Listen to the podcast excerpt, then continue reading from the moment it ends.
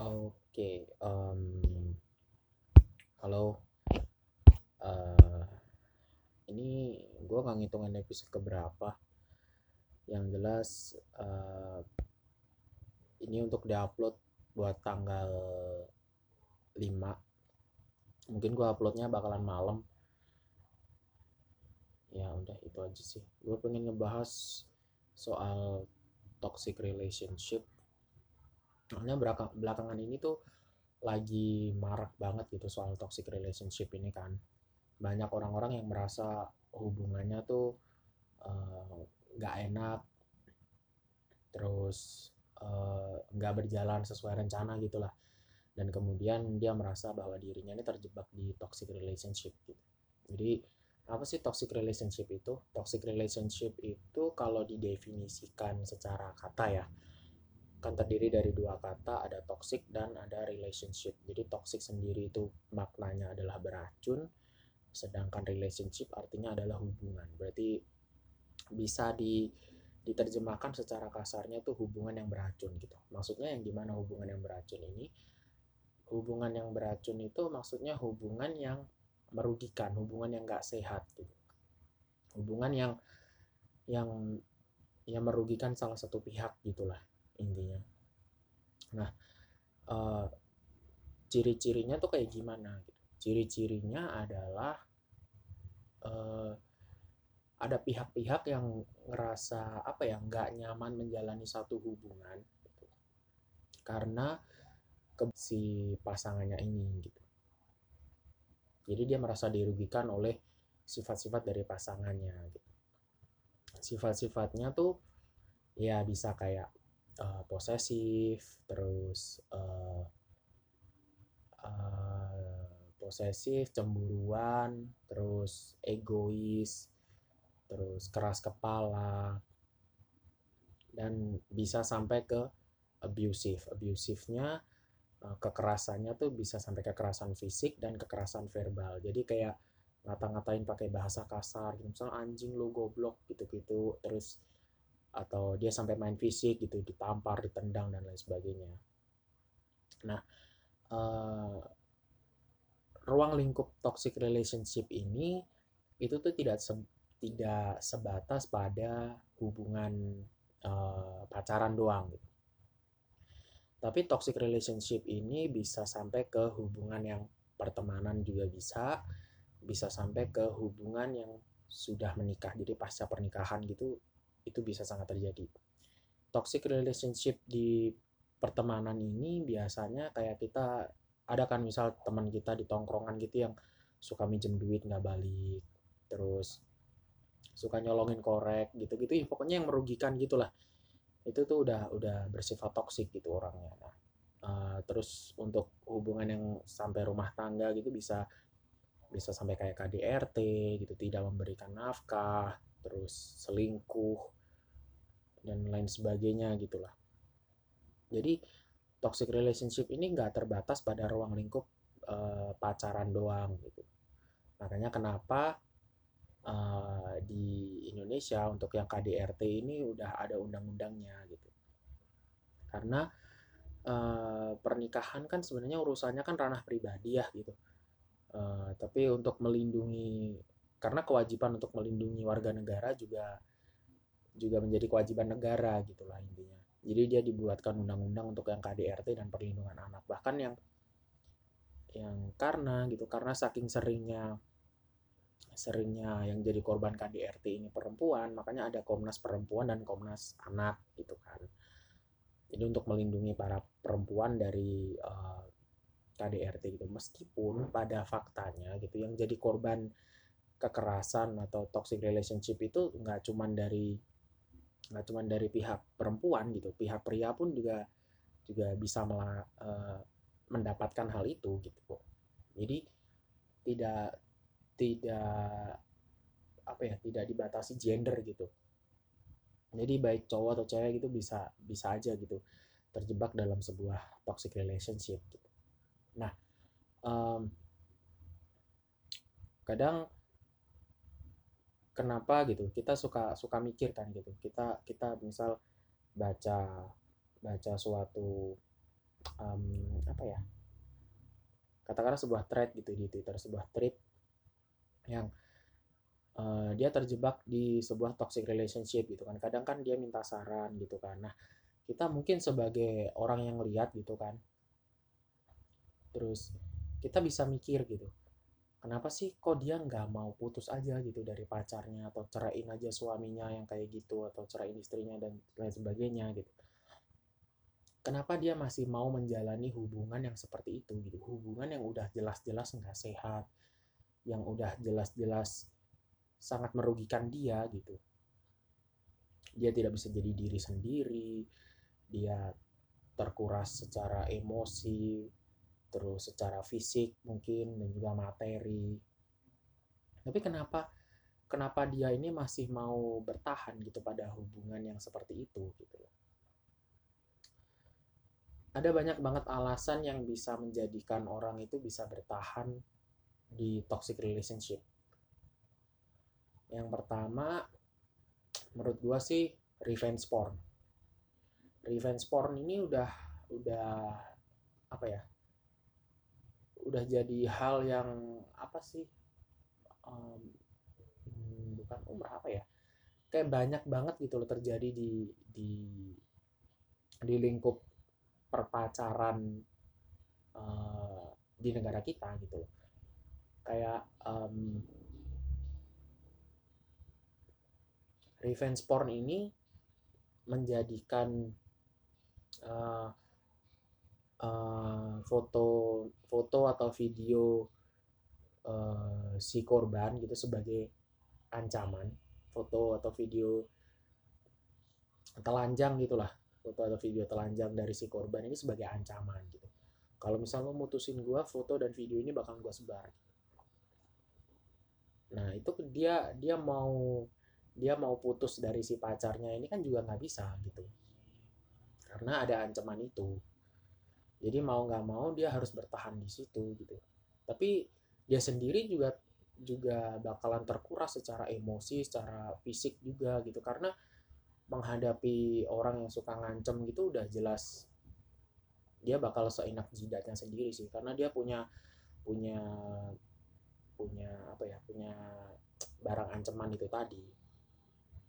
Terus ada juga yang bilangnya malas memulai hal baru malas memulai hal baru ini dalam dalam konteks uh, dia malas untuk menjalin menjalin apa ya menjalin hubungan baru gitu dengan uh, kasarnya tuh dia cari pacar baru gitu. Karena malasnya itu adalah dia harus melalui fase PDKT belum lagi cari orang yang cocok gitu atau yang mungkin tipe dia. Jadi ada orang yang yang males gitu untuk melakukan itu ah ya udahlah gue ada gue di sini aja lah gitu. Kenapa dia bisa memutuskan itu? Karena ini bisa jadi alasan ketiga karena dia berharap bisa merubah sikap si orang itu. Dia berharap dengan dia selalu ada di sisinya itu tuh si orang ini bisa berubah gitu. Padahal menurut gua kalau misal itu sifat gitu itu nggak bisa dirubah gitu karena kalau misal orangnya temperamental ya emang emang temperamental gitu. Sulit untuk untuk merubah sifat ini sulit gitu. Misal ketika ketika dia lagi pacaran gitu terus uh, misal si karena dia posesif ya karena dia posesif terus ketahuan si ceweknya ini uh, let's say main game gitu main game terus kemudian mabar sama cowok lain gitu terus yang HP-nya dibanting, terus ceweknya ditampar atau apa gitu. Terus kemudian si ceweknya ini bilang bahwa oh, mungkin nanti kalau gue baikin dia, dia bisa merubah sikap. Enggak, enggak yang kayak gitu. Menurut gue sih nggak bakal kayak gitu, karena si orang ini sikapnya tuh temperamental gitu. Dia bakalan kayak gitu gitu. Bakalan kayak gitu terus, kecuali emang ada ada apa ya dorongan yang kuat dari dalam diri dia gitu untuk merubah sifatnya itu gitu karena kebanyakan orang tuh uh, mikirnya kayak gini. Nah ini ini ini jadi alasan keempat nih. Uh, berharap imbal balik yang serupa. Jadi ketika dia melakukan hal itu melakukan uh, kebaikan gitu dia juga dapatnya kebaikan gitu. Kadang tuh dunia tuh nggak nggak berjalan seperti itu gitu. Itu hanya bisa terjadi di dunia yang ideal gitu. Karena di dunia ini tuh ya memang ada yang ideal kadang ada yang nggak ideal gitu. Kayak lu udah berbuat baik tapi uh, orang masih berpikir buruk gitu. Atau ketika misal pacar lu kayak gitu lu udah berusaha berbuat baik dengan berharap dia jadi baik lagi ke lu itu salah gitu. Jangan terlalu berharap yang berlebih gitu. Karena ketika itu udah masuk ke sifat itu susah banget berubah gitu. Bahkan orang tuanya aja gitu yang tiap hari ngasih tahu atau apa gitu mungkin bakalan susah juga untuk ngerubah si sifat ini gitu. Kalau misalnya orangnya udah temperamental ya ya ya mau gimana gitu. Ya bakalan kayak gitu. Terus uh, ada juga yang si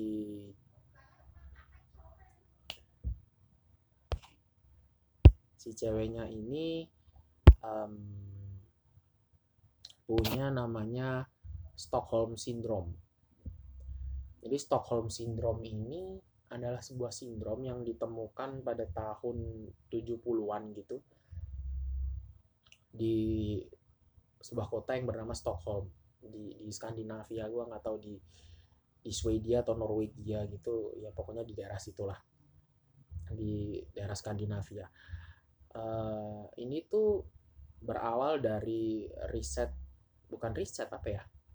Ada ada sebuah kejadian gitu ada sebuah kejadian ada sebuah perampokan. Perampokan dengan penyekapan. Jadi uh, ada perampokan terus uh, karyawan di bank itu disekap. Perampokan di bank dan karyawannya disekap kan gitu. Tapi setelah beberapa hari, setelah beberapa hari penyekapan, si korban ini justru menaruh rasa simpati ke si perampok. Jadi dia jadi kasihan, jadi ya pokoknya bersimpati gitulah. Nah, setelah si perampok ini ketangkep, bahkan beberapa korban ini menolak untuk memberikan kesaksian. Kan aneh ya. Jadi si si korban ini merasa bahwa si penculik ini nggak salah gitu eh si si penculik si perampok ini nggak salah gitu.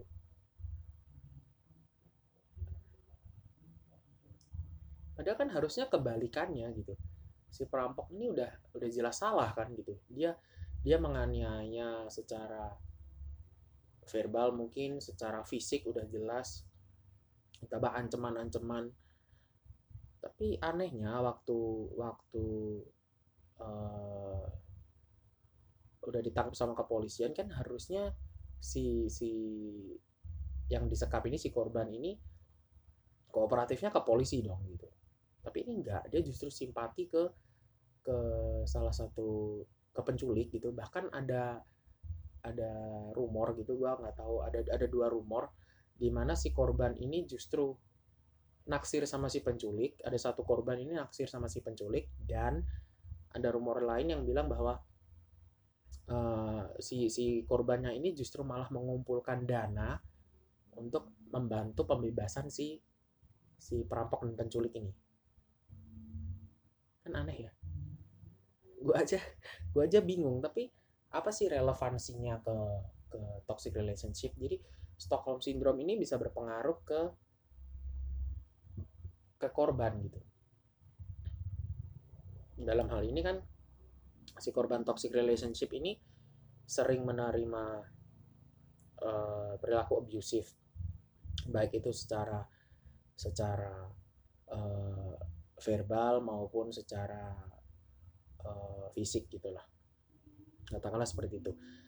Tapi tapi ketika si pacar ini atau si orang yang yang uh, toxic tadi ngasih satu kebaikan itu tuh uh, bisa berefek ke psikologis si si korban. Jadi kayak satu kebaikan tuh menutup semua kejelekan gitu loh. Dalam hal itu tadi, dalam kasus yang perampokan di bank tadi, karena beberapa hari itu harusnya mungkin udah ada pembunuhan di sana tapi itu nggak ada nggak ada nggak ada korban jiwa gitu. Jadi si korban ini merasa gitu ada ada ada apa ya ada halusinasi palsu gitu yang merasa bahwa ini si penculiknya ini masih baik karena dia masih memberikan kita kehidupan. Ditambah kalau misal gitu kalau misalnya dia mengum, uh, melakukan kekerasan pada si korban ini si karyawan bank ini katakanlah sehari dua kali gitulah dia dipukul sehari dua kali gitu. Kemudian besoknya itu berkurang jadi satu kali itu aja udah termasuk kebaikan gitu di mata si korban gitu. Jadi sama kayak misal di toxic relationship tadi gitu misal pacarnya ini ini hobi ngatain kasar hobi nendang gitu.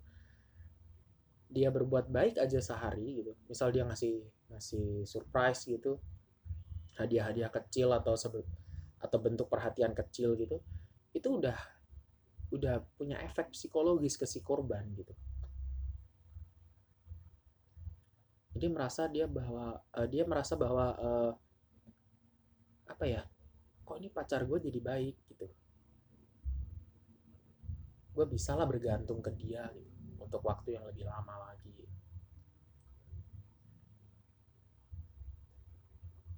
Jadi intinya si korban ini kayak punya apa ya um, uh, apa sih ya kayak halusinasi palsu gitulah.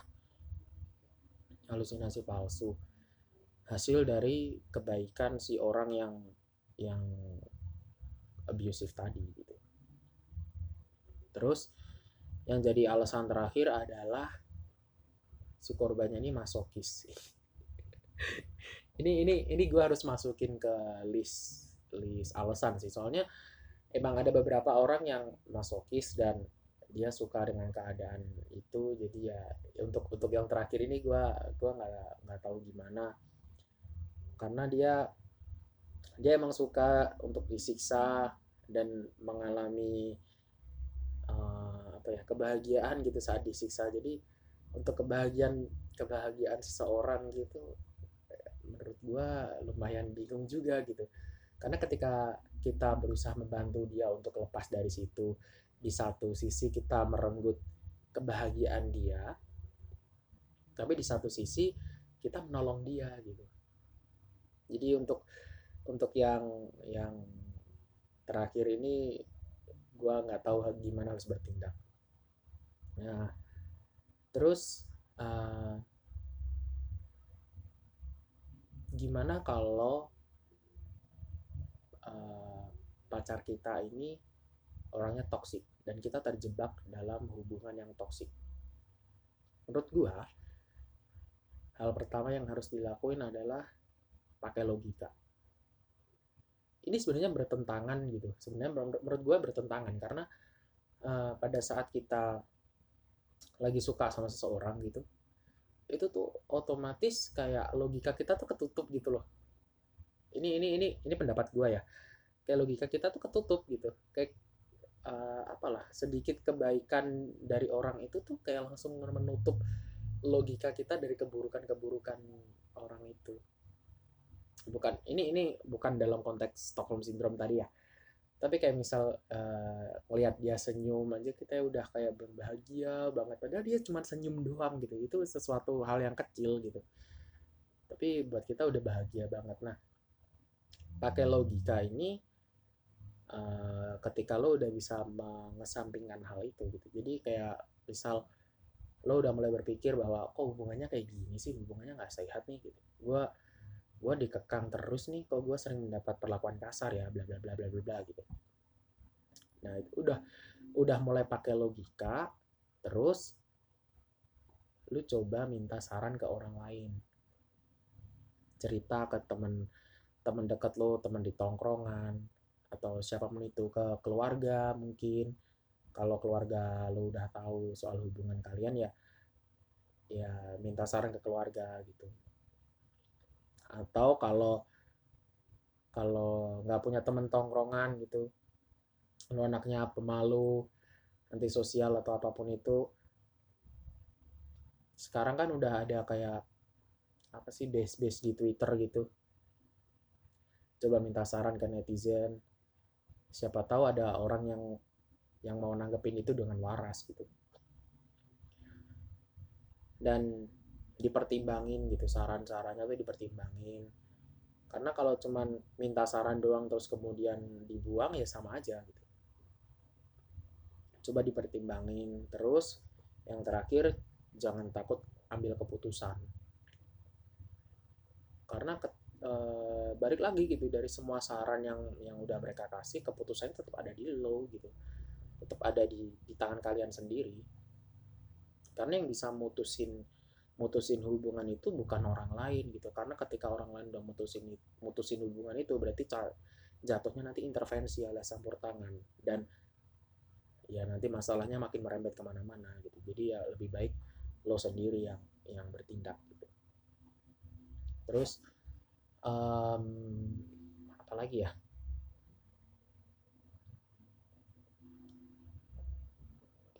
Oh ya gimana kalau misal uh, kita gitu kita ada berada di posisi uh, temennya korban. Nah kan mungkin kita sering tuh ya nggak sering juga sih mungkin gua aja kali yang sering uh, dapat cerita gitu bahwa uh, temen kita gitu misal dikata-katain sama pacarnya yang kayak anjing bangsat dan segala macam terus dia mungkin pacarannya nggak sehat pacarnya posesif atau apa gitu overprotective.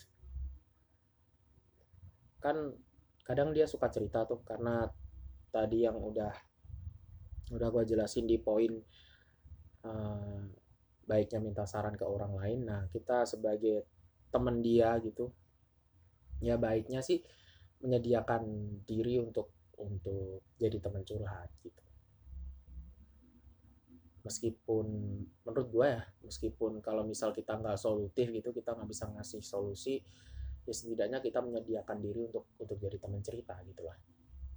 Karena berat banget men kalau misal punya masalah yang kayak gitu terus dia nggak nggak bisa cerita ke keluarga atau orang-orang terdekat dia ya kalau ceritanya ke kita ya ya menurut gue lebih baik ya menyediakan menyediakan diri untuk untuk jadi teman curhat gitu. Karena berat banget kalau nggak ada teman cerita tuh.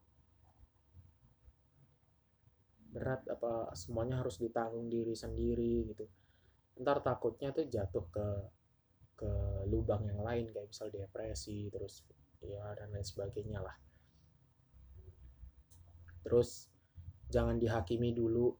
Kalau misal temen kita lagi cerita gitu jangan langsung dihakimi.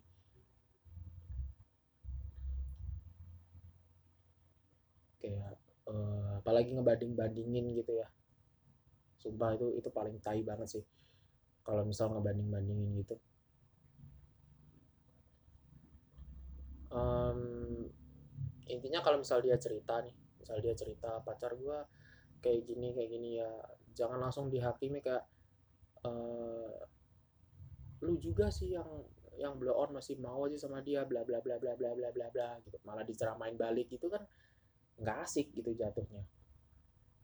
Ya mending ditenangin dulu terus suruh dia cerita semuanya kalau misal lu lu juga kenal sama pacarnya ya coba minta minta dia si pacarnya ini cerita juga. Jadi lo bisa dapet uh, point of view dari dua belah pihak gitu. Terus kemudian nanti uh, lo bisa bertindak baiknya gimana dan kalau misal si temen lo ini udah jatuh ke, ke lubang yang lain tadi misalnya soal depresi dan lain sebagainya ya lo baiknya temenin dia ke psikiater. Pokoknya jadi jadi teman yang baik aja lah gitu. Tapi ketika ketika apa ya um, balik lagi ketika misal temen lu kena Stockholm syndrome itu ya lu coba ajakin dia ke ke psikiater juga. Masalahnya Stockholm syndrome ini juga termasuk gangguan kejiwaan gitu meskipun ya dia milih buat enggak gue nggak apa-apa pacar gue masih baik-baik aja gitu. Ya setidaknya lu coba yakinin dia gitu buat ke psikiater. Karena ya itu tadi kalau soal Stockholm Syndrome itu dia bakalan um, kekeh buat pacarnya ini tetap baik gitu di mata dia gitu. Jadi sebagai teman ya baiknya di ditemenin ke psikiater lah terus uh, gimana sih buat kita terhindar dari hal-hal kayak gitu? Dari toxic relationship dan lain sebagainya tadi. Yang pertama sih komunikasi. Paling penting itu udah udah dari dasar dari suatu hubungan tuh komunikasi.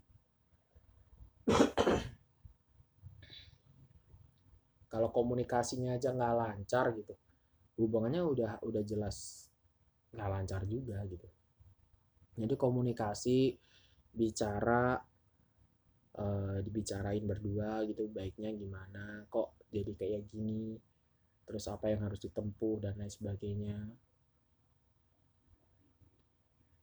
Terus uh, jangan lupa juga buat ngenalin pasangan ini secara mendetail gitu. Baik eh, tapi terlepas eh bukan terlepas apa ya eh, nggak nggak cuma berlaku buat buat pasangan doang sih kayak calon pasangan juga. Kayak misal lagi PDKT gitu kalau nggak nggak kenal sampai detail banget gitu ya kalau gue sih ragu gitu. Ya harusnya kenal dulu sampai detail sampai mendetail terus baru baru menjalin sebuah hubungan sih. Kayak jadi biar tahu baik buruknya dia gitu loh kalau udah tahu dan udah oh udah nih dia dia tipe gua gitu. Ya udah silahkan berhubungan gitu. Tapi kalau enggak ya kalau menurut gue sih mending jangan dulu dah gitu. Soalnya uh, apa ya nanti takutnya tuh kayak dia dia kenalnya nggak mendetail nih kayak misal cuman modal di chat atau apa gitu terus tiba-tiba ada yang ada yang nggak sesuai gitu tapi udah udah menjalin hubungan nih gitu kok dia tiba-tiba berubah atau apa gitu.